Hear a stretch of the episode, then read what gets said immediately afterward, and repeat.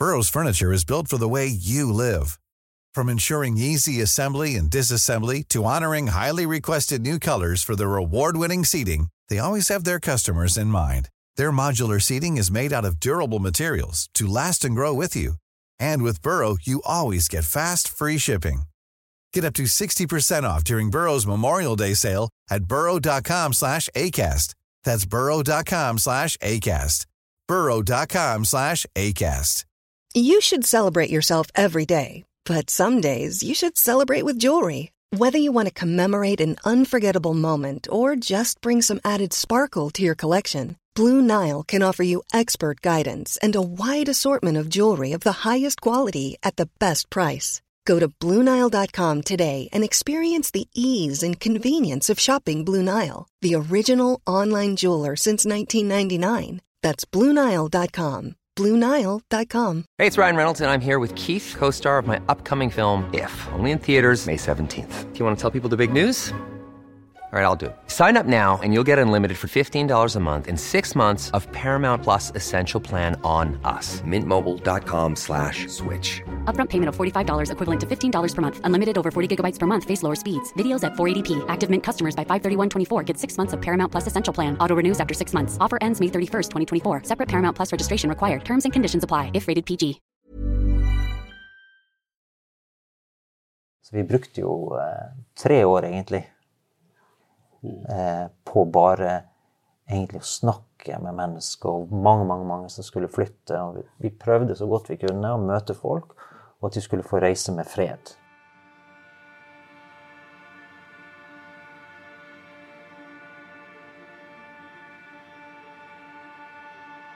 Vi har kommet til veis ende i denne bonusserien fra Kredokirken.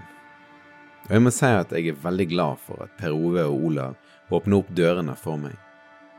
Og jeg håper du òg har funnet det nyttig å lytte til deres fortellinger fra levende ord, både i oppturen og fra krisa.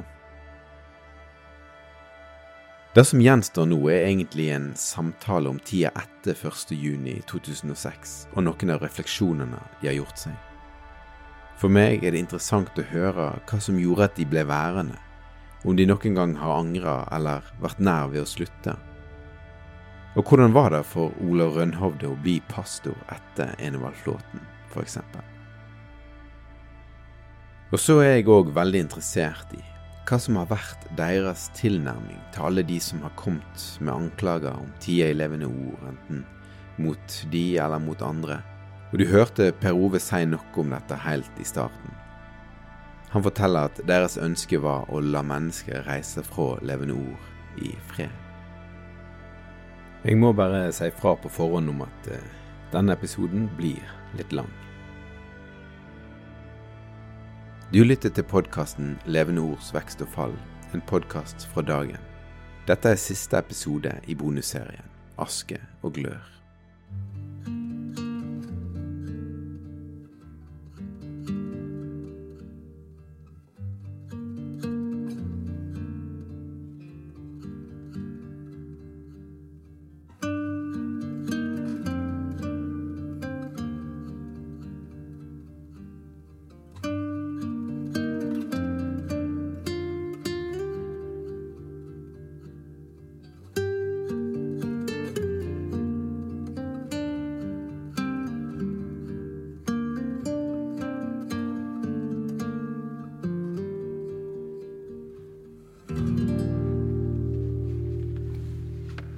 Vi er tilbake på møterommet i Kredokirken.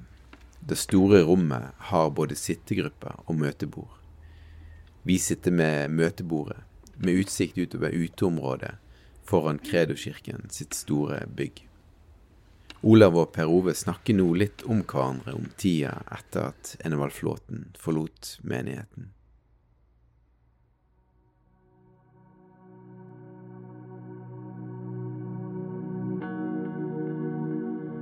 Hva har vært deres budskap om den tida? Altså I forhold til enkeltpersoner så jo, har vi jo samtaler der. Og, og, og i, i menighetsmøter så har det vært uh, ting. Men uh, det er jo òg det at det var ting uh, som vi ikke hadde innsikt i, som, eh, Så, vi, så derfor måtte jo få, ha for, forklart det òg. Og så eh, er det jo òg at eh, i tiden etterpå så var det jo eh, like kaotisk. Så derfor så mm, var det samtaler som foregikk. Det var noen du snakket med, og andre du ikke kunne snakke med. Dette med hva man hadde innsikt i og ikke, er noe som særlig Olav, men òg Per Ove, kommer tilbake til. Det er selvfølgelig umulig å bedømme riktigheten av dette fra utsida, men jeg tenker at det høres ut som et viktig poeng. Men de forteller meg at de òg har tatt ansvar og beklager overfor enkeltpersoner for forhold de sjøl har visst om, eller ting de har gjort sjøl. Og så måtte vi jo beklage overfor menigheten, altså på, på menighetsledelses vegne, ikke sant? at vi havna i denne situasjonen.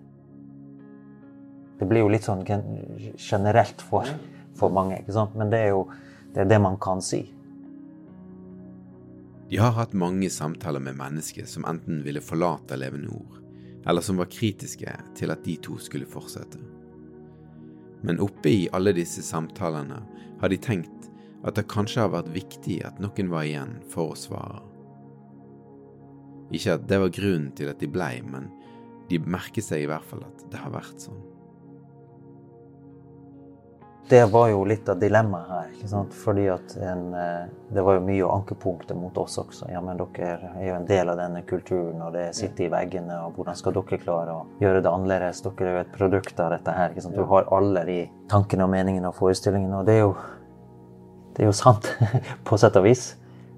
Men allikevel så eh, var min opplevelse at neimen skal vi oppleve en gjenopprettelse og en framtid, så må faktisk vi som har vært der, gå videre. Og det vil være også et redskap til forhåpentligvis gjenopprettelse og helbredelse. At folk har noen å snakke med som har opplevd dette her og vært med. Og vært igjennom det hvis dette hadde kollapsa, så hadde skaden blitt så mye større hos oss sjøl, men også hos folk generelt.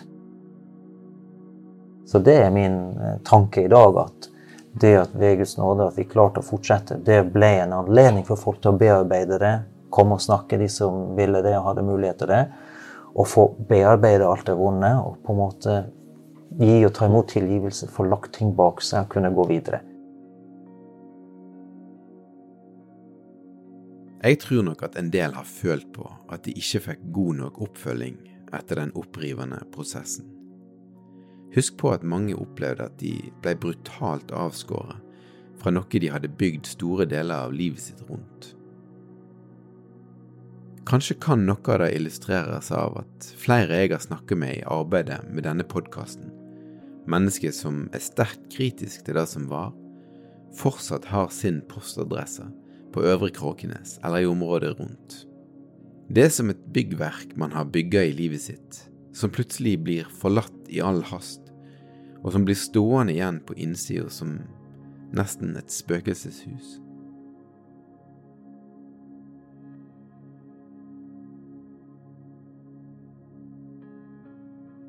Per Ove og Olav forteller at de gjerne skulle fulgt opp flere, ikke minst i den første tida. Begrensningene var noen gang rent fysiske, forteller Per Ove. Jeg tenker også det, disse første årene så uh, Man er jo ikke forberedt på egentlig hva skjer nå. Mm. For du, du, skal håndtere menneskers smerter og opplevelser, tanker, følelser, meninger og alt det der. Og så skal du takle det at du sjøl egentlig er mm. Skal man være helt ærlig, så er man litt sånn haltende. Litt skadeskutt på, på sett og vis. Da. Men da, da, det er jo dette med Guds nåde. da? Altså at Når du er svak, så kommer også Hans nåde til, til hjelp. Så, så, det var en av de tingene som jeg opplevde. Du må få bare være svak. Du behøver ikke å late som du er voldsomt sterk overfor folket. For det, så jeg måtte si det flere ganger. Jeg skulle gjerne vært på flere husbesøk, men jeg har ikke, har ikke mer krefter og tid til det. Jeg må bare komme meg. Altså. Så vi gjør det vi klarer. Og, og da etter, Det var akkurat som eh, alle senka, eller flere senka garden og på en måte OK, vi er der vi er. Vi, vi må bare gå denne veien her sammen og se hvor vi havner. For for en del så vil det nok være uventa, selv om det høres kanskje rart ut for dere. Det vil være uventa å høre eh, pastor på, eh, altså medpastor i Kredokirken eller Levende Ord, som de tenker på det, som fortsetter, si at ja, men da får jeg bare være svak. Ja, det var sånn jeg opplevde det. Det som var viktig, var at du var til stede. Ikke røm, ikke stikk av. Du får bare være svak. Du får bare halte og, og det var, Iblant var det litt tårer her og der, ikke sant. Og følelsene kommer fram uh, innimellom. ikke sant? Men det var der vi var. Det gikk ikke an å stoppe her. Det var å legge lokk på. Det, nei, du må gå gjennom det, og så bevarer du troen og en god bekjennelse gjennom alt dette her. Jeg har tenkt at en del som forlot Levende Ord i denne tida, kanskje aldri tok kontakt igjen. Selv om man kunne tenke seg å få svar, eller høre hvordan de som ble igjen, tenkte om det som hadde hendt. Og at det på en måte har gjort at det er flere ubesvarte spørsmål enn det strengt tatt trengte å være. Det kan være mange grunner til at man ikke tar kontakt. Kanskje er man så svak eller skada sjøl at en ikke våger å utsette seg for det en er blitt skada av. Kanskje skjer det bare ikke. Uansett så spurte jeg litt hvordan disse samtalene hadde vært, for kanskje å gi et innblikk i hva som har vært Olav og Per Ove sin tilnærming. Så vi brukte jo eh, tre år, egentlig, eh, på bare egentlig å snakke med mennesker. Og mange, mange mange som skulle flytte. Og vi, prøvde så godt vi kunne å møte folk, og at de skulle få reise med fred. Okay? Med en eller annen Få håndtert det de spurt, lurte på eller følte eller hadde opplevd. Og det var mange, mange, som hadde, mange opplevelser som kommer fram i etterkant. Og jeg har hatt mange samtaler hvor jeg på vegne av menigheten, også på vegne av en har bedt om tilgivelse, på vegne av meg sjøl. Fordi at eh, når du får høre historien og deres opplevelse, så skjønner jeg ja, men dette var ikke bra. Dette var galt.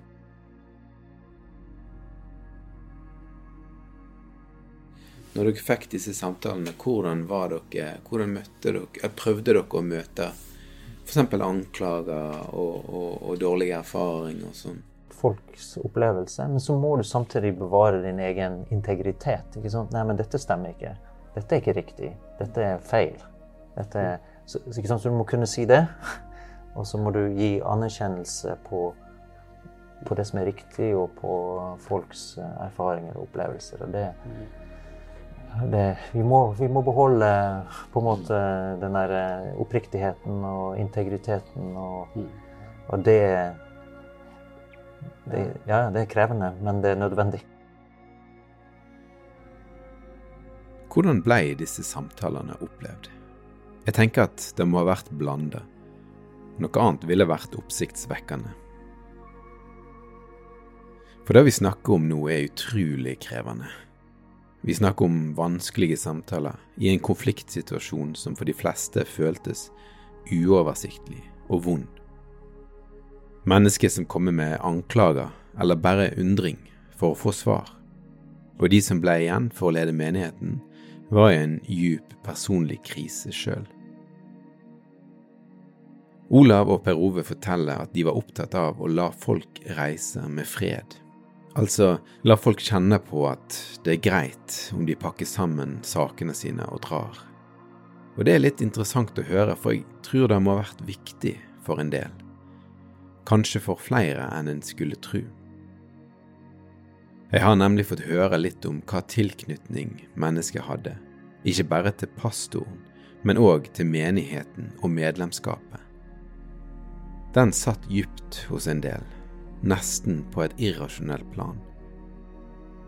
Folk kunne ha en klar forståelse av at tryggheten deres lå i trua på Kristus, men kroppen sa noe annet. Og da må det ha vært viktig for de som fikk høre det Per Ove snakke om. Men eh, hvem veit hvordan pastorene ble oppfatta i alle disse samtalene? Og så var det de samtalene som kanskje aldri ble tatt, de som ikke ba om samtaler sjøl, og som venta på en telefon som aldri kom. Vi snakker om bokstavelig talt tusen forskjellige historier her. Og så er det jo da at mens noen bare slutter i menigheten, så handler det for en del om å dra hjem til da de hadde flytta ifra. Til bygda, til familien, kanskje òg til menighetsmiljøet de hadde forlatt. Jeg tenker at det ligger en del historier òg der. I løpet av tida fra 2006 til 2008 var det hele 800 mennesker, ifølge Olav og Per Ove, som flytta ifra Bergen og Øvre Kråkenes.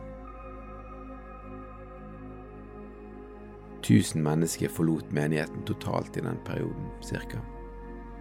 Jeg tenker at det ligger en del historier der. Historier om forsoning, forhåpentligvis, men kanskje òg historier om brudd som aldri grodde. Og det jeg sier nå, handler ikke om å trekke Per Ove, Olav eller andre i tvil.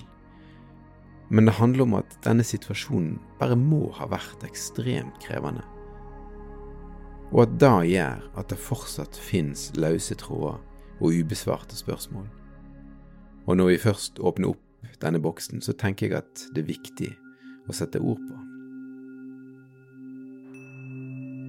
Det er ikke sånn at eh, Olav og Per Ove kun sitter og tar imot klager på Enevald Flåten og andre ledere i denne perioden. Mye av det var, og er nok fortsatt, retta mot de personlig. Det legger de ikke skjul på. En av innvendingene som de møter, er at de begge var ledere i Levende Ord gjennom hele perioden. De var i posisjon til å se hva som hendte, og dermed òg til å sette foten ned. Vi snakker en del om dette her i samtalen vår. Du har hørt noe før. Vi hørte Ola fortelle at han satte foten ned ved et par anledninger, og sa fra når han opplevde at grenser ble krysset. Og Per Ove forteller at han etter hvert satte ord på den voksende opplevelsen av at noe ikke var som det skulle være. Spørsmålet dukker opp igjen i samtalen, om ikke de burde satt ned foten før. Ja, vi gjorde jo det. Men det var bare at vi gjorde det som enkeltpersoner. Og det var ingen Altså, vedtektene sa én ting, men realiteten var noe annet. Det var at en hadde ikke et fungerende styre. Så det var først i 2005, når det var på plass og, og det her begynte å komme opp, at de hadde egentlig en plass hvor vi kunne samle det. Fordi det her var for stort at jeg som enkeltperson, hvis jeg satte foten der, så OK, da ble jeg fryst ut en periode, og så ble jeg tatt inn i varmen igjen. Det var jo litt sånn det var. Så derfor så var vi litt sånn prisgitt eh, måten ting ble håndtert og praktisert på. Men jeg hadde jo ikke noe innsikt i at ikke de hadde noen styremøter her. Å beklage det kan jeg gjøre. Altså, jeg beklager jo at eh, at eh, vi hadde et system som ikke fungerte. Men jeg, hadde, jeg, var ikke i en posisjon hvor jeg kunne gjøre noe med det. Jeg kunne gått. Men hadde jeg gått, så kan det være det var flere som hadde gått eh, når det stormer. Så, så derfor så tror jeg kanskje det var slik at dette måtte skje samla. Og så tror jeg òg at eh, vi ga et veldig tydelig signal. Og vi sto opp imot noe som var urettferdig. Noe som ikke var rett.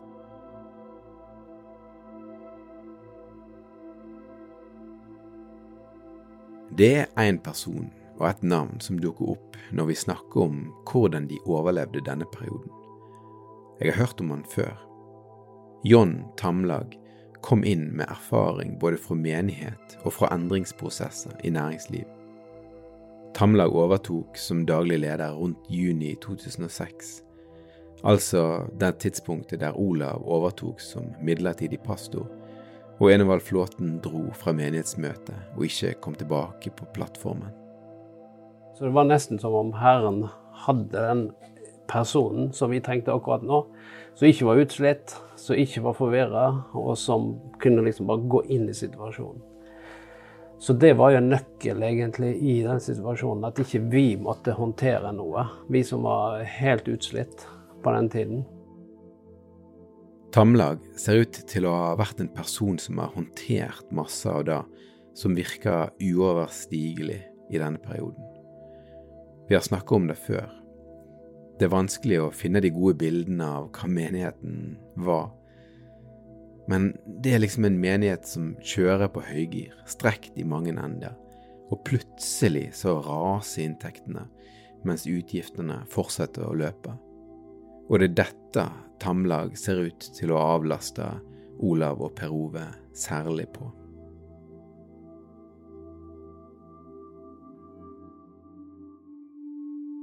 Olav ble som kjent utfordra på å ta over Enevald Flåtens stol, først bare midlertidig, men det blir snart klart for mange at Flåten ikke kommer til å komme tilbake. Og jeg har tenkt på hvordan var det å skulle være pastor i en menighet der ulike grupperinger hadde så ulike forventninger, og der man hadde hatt en pastor som var så profilert? Jeg ble jo plutselig pastor etter 14 år så skulle jeg plutselig for første gang preke i Levenord. Jeg har ikke prekt en eneste gang i Levenord. Eh, så du kan jo få nervesambrudd bare av det. Så jeg husker første preken jeg skulle ha. Jeg var jo nervøs. Og der vet jeg, der satt jo folk i salen, og de hadde jo sterke meninger om meg. Og om oss. Og så skal du eh, preke til forsamlingen. Det var jo spenning i luften. Ja. Nei, eh, så bare det var jo en påkjenning i seg sjøl. Å ta det steget. sant? Fordi OK, hvem er jeg som nå skal uh, forkynne? Og, sant? og, og sammenligning med Enevar Flåten har jeg visst at jeg er ikke verken Enevar Flåten eller Åge Åleskjær. Jeg er meg sjøl. Uh, så det var jo det ene. Og det var jo et klima, da hvor når du snakket, så var det mine felt. Du måtte unngå å snakke om det. Du kunne ikke bruke det ordet, ikke det uttrykket. Det, da smeller det. Og så var det jo alle disse samtalene. Sant? Og utmeldingene. Jeg delegerte utmeldinger til Per Ove. Så, så det var han som fikk skrive det ut. Eh, for det var så mange. Som du hører, så ble det opplevd som et minefelt fra starten av. Du husker kanskje Olav snakka om en beskjed han opplevde å få midt i den veka der Colin Urquhart besøkte Levenor, om at han en dag skulle lede menigheten.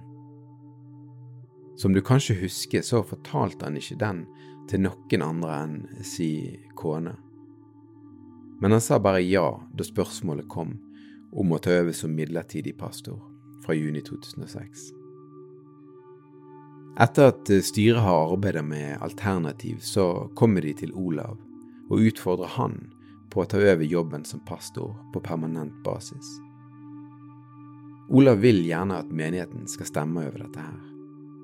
Men dagen før medlemsmøtet så blir det plutselig bestemt i styret at saken skal utsettes. Og på dette tidspunktet så tenker Olav at nå får det være nok. Han trenger å vite om det ikke skulle bli valg på medlemsmøtet dagen etterpå, så ville ikke Olav lenger være kandidat til jobben, tenkte han. For jeg hadde gått i ett og et halvt år, eh, over, ja, cirka litt over det, og ikke visst om jeg var ønsket. Og jeg kjente at jeg kan ikke, jeg kan ikke gå med dette. Så da sa jeg dette her. Når neste morgen så sitter jeg der i bønnestolen, og jeg vet egentlig ikke Jeg kjenner jeg er litt fortvila, da. Og så ringer telefonen da, mens jeg sitter der. Og så er det en av bønnedamene.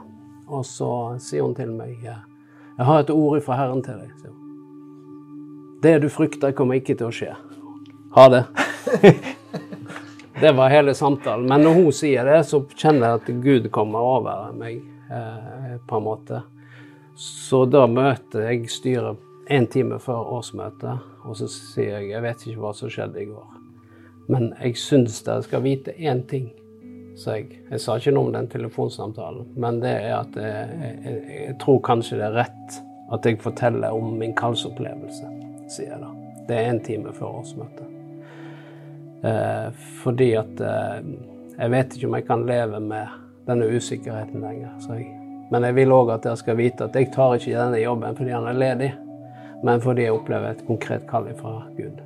Og så plutselig så er jo ting som normalt i rommet igjen. Så nei, jeg vet ikke hva som skjedde i går. Sier liksom nei, selvfølgelig skal vi stemme og greier. Så da blir det Så da ble jeg valgt. Men jeg hadde brytninger. Jeg hadde òg brytninger etterpå. Olav Rønhovde ble valgt til pastor i Kredekirken den gangen i februar 2008, med en oppslutning på rundt 95% av stemmene, ifølge Per Ove og Olav sjøl. Men hvetebrødsdagene varte ikke lenge. Bare to måneder seinere så står menigheten, som da fortsatt heit Levende Ord, på konkursens rand. Nå er vi på konkursens rand.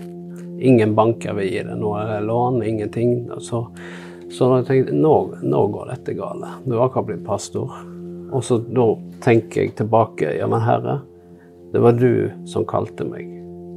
Så da har jeg plutselig noe å fighte med. Så da tenker jeg ja, men du kalte ikke meg nå til å si ja til dette for at jeg skulle sitte med skammen og skylden og ansvaret. Så herre, du må jo løse dette. Så sitter jeg på morgenen, og så opplever jeg plutselig at jeg får denne tanken. Så jeg tror det var Herren. Og det var spør Kristen Fellesskap om å låne tre millioner. Det er mot min natur å gå til en annen menighet og spørre etter lån. Så vi snakket om det her, da. Jeg delte det med, med de andre her, og så ble vi enige om jo, vi, vi spør de. De møter lederskapet i bergensmenigheten Kristent Fellesskap, og de forklarer situasjonen. Og så sier de eh, ja, vi sier ja til dette, sier de. Vi sier ja til dette. Og grunnen til det er det som skjedde i fjor. Og da minner jeg på at i januar 2007 så er det innkalt til predikantsamling i byen. Eh, og temaet er 'Hva skjer på levende ord'? På vei ned, så, eller vi er på vei ned, så opplever jeg på morgenen at Herren eh, taler til meg, så jeg går, ned og ber om tilgivelse. Så det første jeg gjør, før jeg forteller noe om hva som skjer, så sier jeg at eh, det første jeg vil gjøre, seg, det er å be om tilgivelse. Fordi at vi har stilt oss utenom fellesskapet. Og vi, har, si, vi, hadde en holdning, jeg sier ikke det er min holdning, men det var vår holdning. Det var at hvis det skulle skje noe her i byen, så var det levende ord som var lokomotivet, og der var vognene. Og det, det ber jeg om tilgivelse for. Og da skjer det noe i rommet hvor du kjenner liksom bare at eh, det blir forbønn. Og, og eh, ber, de ber for oss, og vi eh, merker på en måte at det er noe som brytes der, av den avstanden som eh, var bygd opp. Levende Ord fikk låne de pengene, og Olav forteller at det redder menigheten fra konkurs. Og andre disponeringer har gjort at Kredoskirken i dag er i en gunstig økonomisk situasjon. Olav forteller om tøffe år de første årene når han tok over som pastor. Det var usikkerhet knytta til sin egen rolle som pastor, og det kom en personlig krise på toppen av det igjen. Og igjen skulle en viss svensk pastor spille en viktig rolle på et avgjørende tidspunkt. For meg så ble det på en måte at det var ingenting rundt meg som bekrefta at det jeg skulle gjøre, at, det, at jeg var rette mann for denne oppgaven. Helt til eh, at det ble enda verre. Og jeg sitter med Ulf Ekman, han var i byen her. Og jeg hadde avtalt frokost med han lenge før. Og så skjer det ting rett før han kommer som gjør at jeg skjønner Nei, nå må du gi deg. Nå er, nå er det over. Så jeg sitter der med Ekman. Jeg sier det akkurat sånn som det er. Jeg forteller om alt som foregår i livet mitt. Det var ingen, eh, ikke noe positivt. Og han sitter og hører på meg. Og så eh, skal jeg kjøre han ut til Flesland. Og når vi passerer lagunen og bortover der, så plutselig inne i bilen der, så snur han seg til meg, og så sier han Djevel er vred på deg, sa han. Han hadde planlagt å gjøre det samme med Levende Ord som han gjorde med Karisma i Stockholm. For i 2005 så gikk det en konkurs, en stor menighet i Stockholm. Og så sier han, og så sier han Men han regner ikke med deg, sa han. Og så begynte han å be så det kostet inni bilen der. I tunge, da, selvfølgelig. Og kjørte på, og der er det som alt det der bare slipper taket. Og vi står ute på Flesland, og, eh, og, han står foran meg. Og så han, står han og gråter og sier han at jeg, jeg vet at jeg kom ikke for det der, jeg kom for det her. Så. Det var derfor her, eh, jeg skulle være her disse dagene. Og det er helt riktig. fra det øyeblikket så var det et eller annet av det der kampen som forsvant. Og så er jeg her ennå. Så det, det, gjelder å ikke gi seg og, og ikke bakke ut selv om ting eh, ser ut som ikke bekrefter verken kall eller oppgave eller noen ting. Så har vi nå holdt fast ved dette. Og så er vi her fremdeles. Og vi, meg og Per Ove, står sammen fremdeles. Og det har gått bra med oss òg. Vi har hatt, eh, ikke fighta med hverandre, men vi har hatt eh, brytninger med oppgaven og, og, ting som vi har måttet ha løst. Men uh, det har jo betydd veldig mye at vi på en måte kan stå sammen her.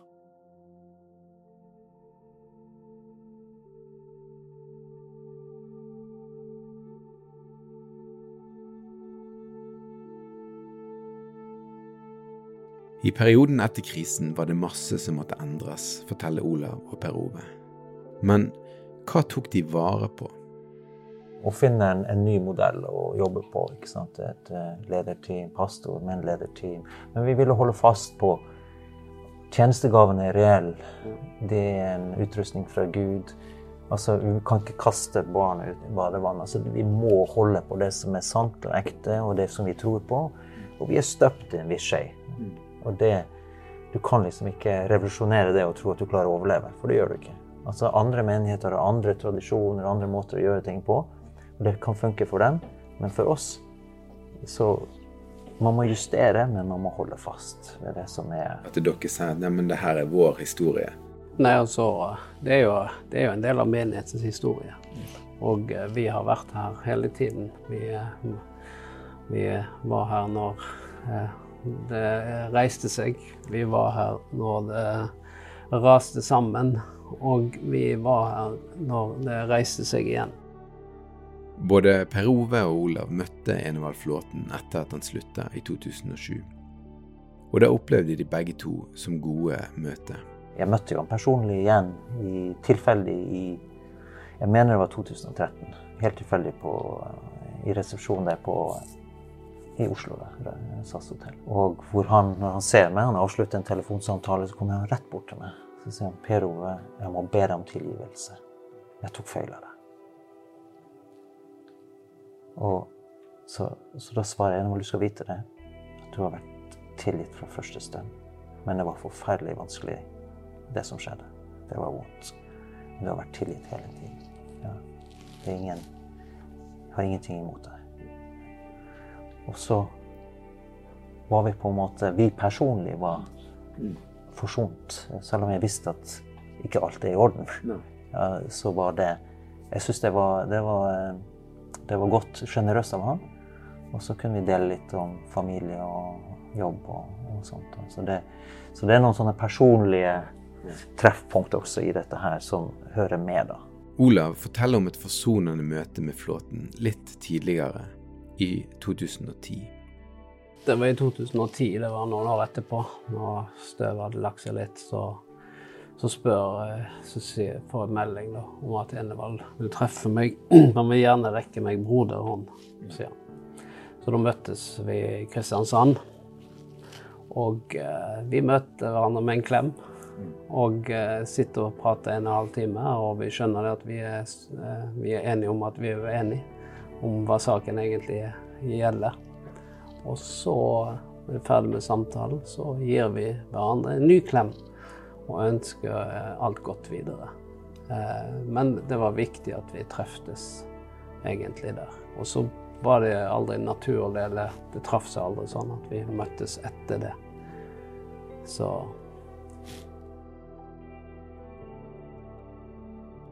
I intervjuet med Envald Flåten som vi gjorde i fjor sommer, og som er delvis publisert i fjerde episode av denne podkasten, så sier Flåten noe om Kredokirken. Og for Per Ove og Olav så var det godt å høre at Flåten etter hvert fant glede i at menigheten han grunnla, gikk videre. For min del så var det jo som Per Ove sier, at eh, jeg opplevde på en måte at jeg levde i tilgivelse. og og eh, hadde i grunnen ikke noe sånn personlig oppgjør med Enova Flåten den, i den forstand. Så, så, jeg opplevde på en måte at, uh, at det var, var avklart fra, fra, min side. Men samtidig så er det jo eh, godt å høre på en måte at, at eh, han faktisk kan være takknemlig for at dette arbeidet ikke stoppet med det som skjedde den gangen, men faktisk fortsette. Og, og er jo òg takknemlig for at, som Per Ove sier, at uh, den han, han, fikk muligheten til å, å, å si en, uh, disse avslutningsordene som han hadde. Så det, det tror jeg var, var, viktig, og kan være viktig for mange som uh, har forskjellige opplevelser. Samtidig så uh, sier jeg det at vi vet at vi er her i dag pga. det som ble starta og etablert av Enova-flåten. Og at vi kan fortsette, så er det å bygge videre på noe som jeg er overbevist om var fra Gud den gangen det ble starta. Og så kom det ting inn som ble for mye av de menneskelige svakhetene.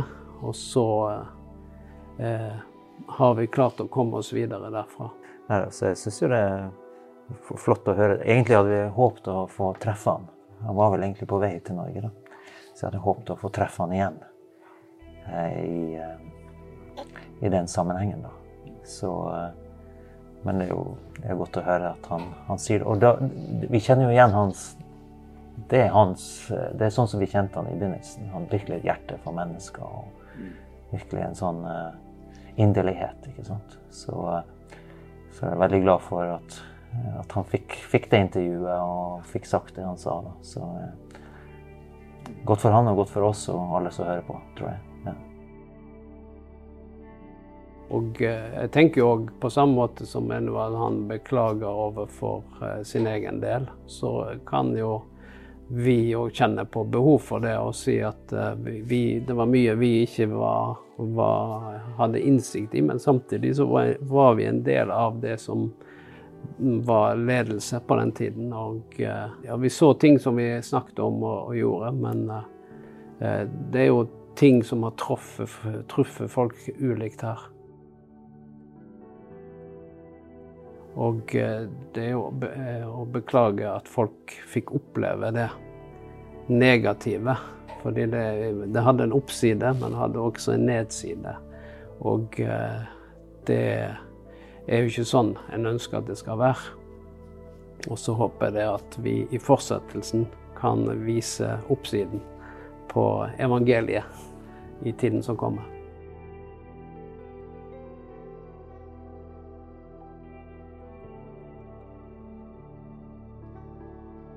Mot slutten av intervjuet kommer Olav Rønhovde tilbake til en episode for tida før Levenor. En leder som han arbeider under i denne tida, endrer plutselig atferd. Etter hvert kom det fram at det var forhold i denne mannens liv som ikke var som de skulle, og det ble tøft for Olav Rønhovde. Denne erfaringen ble viktig for han da ting begynte å skje på levende ord, men han tenker òg at det blir viktig for han å fortelle det i møte med mennesker som er såra og skuffa etter levende ord. Men jeg er ikke så sikker på at jeg hadde blitt stående nå hvis ikke jeg hadde gått igjennom de tingene før. Så, så det er òg en del av, av, historien her, faktisk. At, eh, at jeg forstår veldig mange som har kjent på skuffelse det med frykt for lederskap, f.eks. For, det måtte jeg fighte meg tilbake til pga. at jeg hadde opplevd misbruk av det. Så måtte jeg, jeg måtte kjempe, fordi at det, det, ligger sånn i vår menneskelige natur at får du det en smekk, så unngår du det. Og hvis du da har uh, vært utsatt for en feil bruk av, uh, av uh, talerstol og åndelig lederskap, så vil du trekke deg unna. Og det tror jeg at en del eh, som opplevde dette med, med levende år den gangen, at eh, noen av dem kanskje ikke har kommet i gang igjen. Fordi en vil ikke bli skuffa en gang til. En vil ikke oppleve dette. Så for å beskytte seg sjøl, og det er vår naturlige mekanisme, så gjør en det. Så jeg eh, forstår en del folk som, eh, som brytes med disse tingene. Fordi det var min egen kamp som jeg måtte fighte meg tilbake på.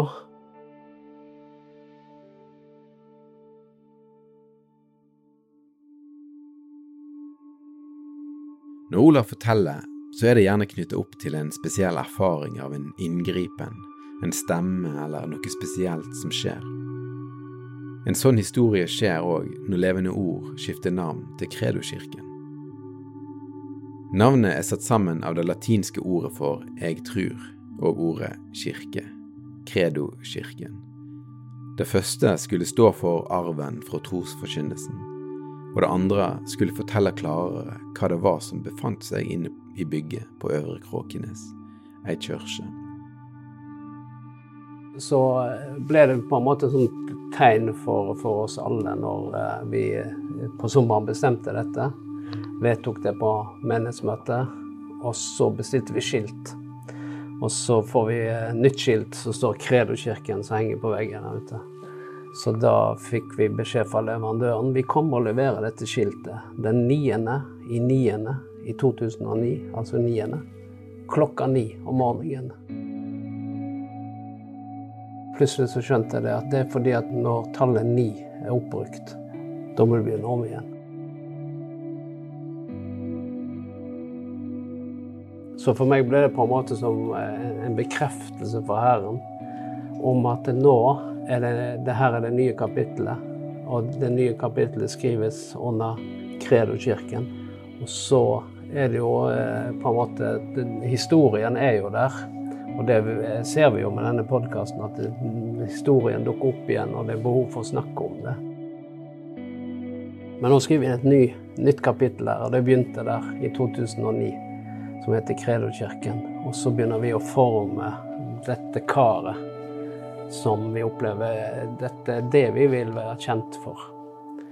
Uh, uten at vi på en måte vil uh, uh, si at nei, vi vil ikke ha noen ting med den historien å gjøre. Jo, det er en del av, av livet vårt. men nå handler det om hva vi sier her og nå, hvem vi er nå, fordi hvis vi hele tiden må bli sett i lys av det som var, og ikke det vi sier i dag, det vi står for i dag, det vi gjør i dag Så vi vil jo på en måte bedømmes ut ifra hva vi holder på med, ikke hva som skjedde for 20 eh, år siden.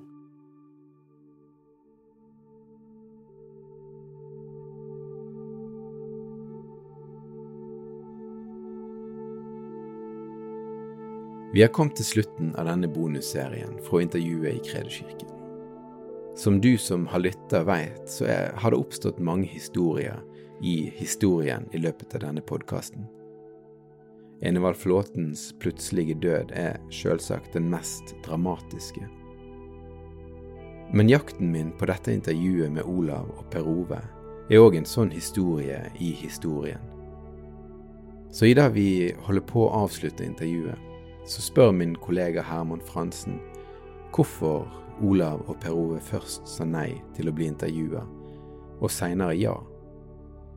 Og den samtalen skal få lov til å bli slutten av denne episoden. Vi, vi var jo ikke med i, i den eh, podkasten fra begynnelsen av. Og eh, vi ble jo invitert til å være med, eh, men så fikk vi jo forståelsen av at eh, historien skulle slutte i 2006. Og da opplevde jeg at ja, men det er ikke vår historie. Eh, og det blir ikke riktig å delta på noe som Fordi vi opplever jo at det er også et stort under at vi er her i dag, og at det er en del av vår historie. Så hvis vi skulle være med, så måtte vi få fortelle hele historien. Sånn at ikke det stoppa der. Ja, når jeg ble pastor. Det er bare halvparten av historien. Så, og det var viktig for oss, fordi at uh, vi tenker at uh, Altså tittelen heter uh, 'Levende ords vekst og fall'. Så tenker jeg ja, altså Vi å bruke en rygg. Det gjorde vi. Men det, var, det stoppet ikke der. Og da tenker jeg at det, det ble feil inntrykk. For det betyr at vi er ikke her lenger. Jo, vi er her. Og har, jeg har vært her i 30 år. Er flere av oss som har vært. Så, så det var litt av eh, grunnen til at vi sa nei den gangen.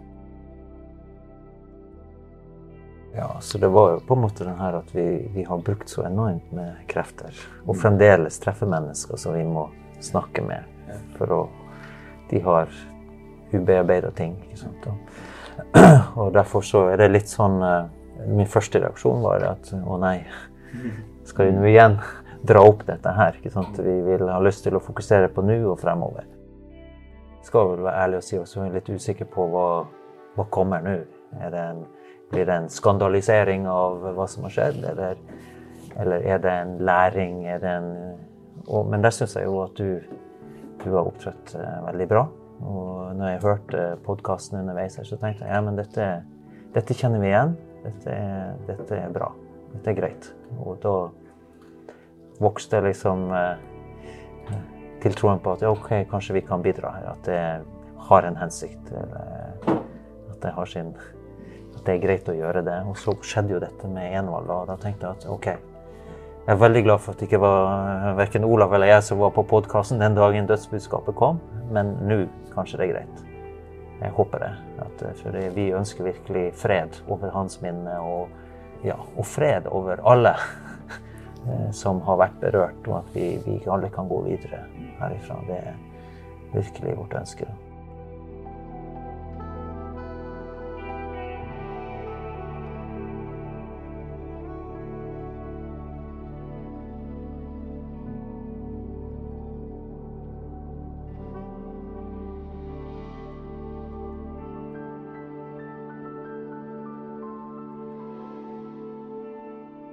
Du har lyttet til en bonusepisode av podkasten Levende ords vekst og fall, en podkast fra Dagen. Sørg for å abonnere på Dagen podkast hvis du vil holde deg oppdatert på flere bonusepisoder og nye podkaster fra Dagen. Om du setter pris på fortellinger fra Kristen-Norge, så gå gjerne inn på dagen.no og prøv et abonnement. Mange av dere har tatt kontakt og delt historier, tanker og innspill som har kommet opp i løpet av podkasten. Og som jeg har sagt før, for meg har da vært noe av det virkelig interessante ved å lage denne podkasten. Jeg har lest alt, og forsøker å svare de fleste, selv om jeg akkurat nå har litt å ta igjen. Men fortsett gjerne å skrive enten du har tips, ris eller ros, til eivind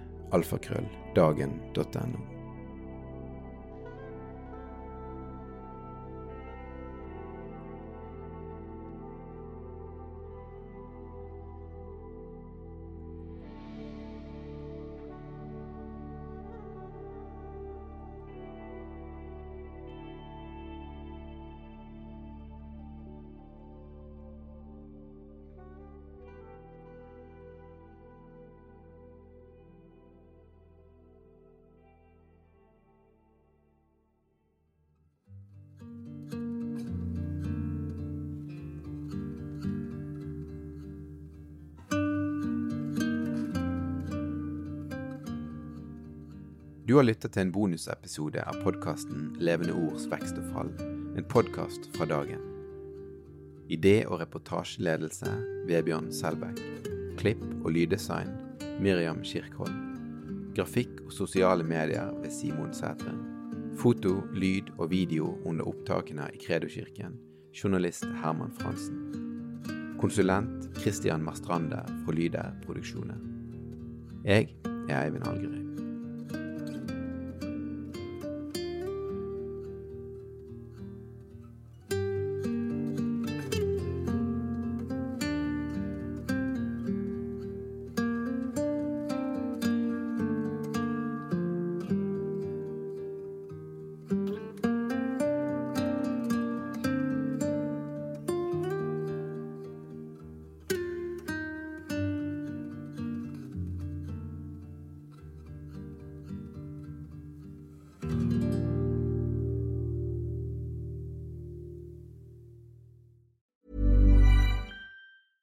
Planning for your next trip?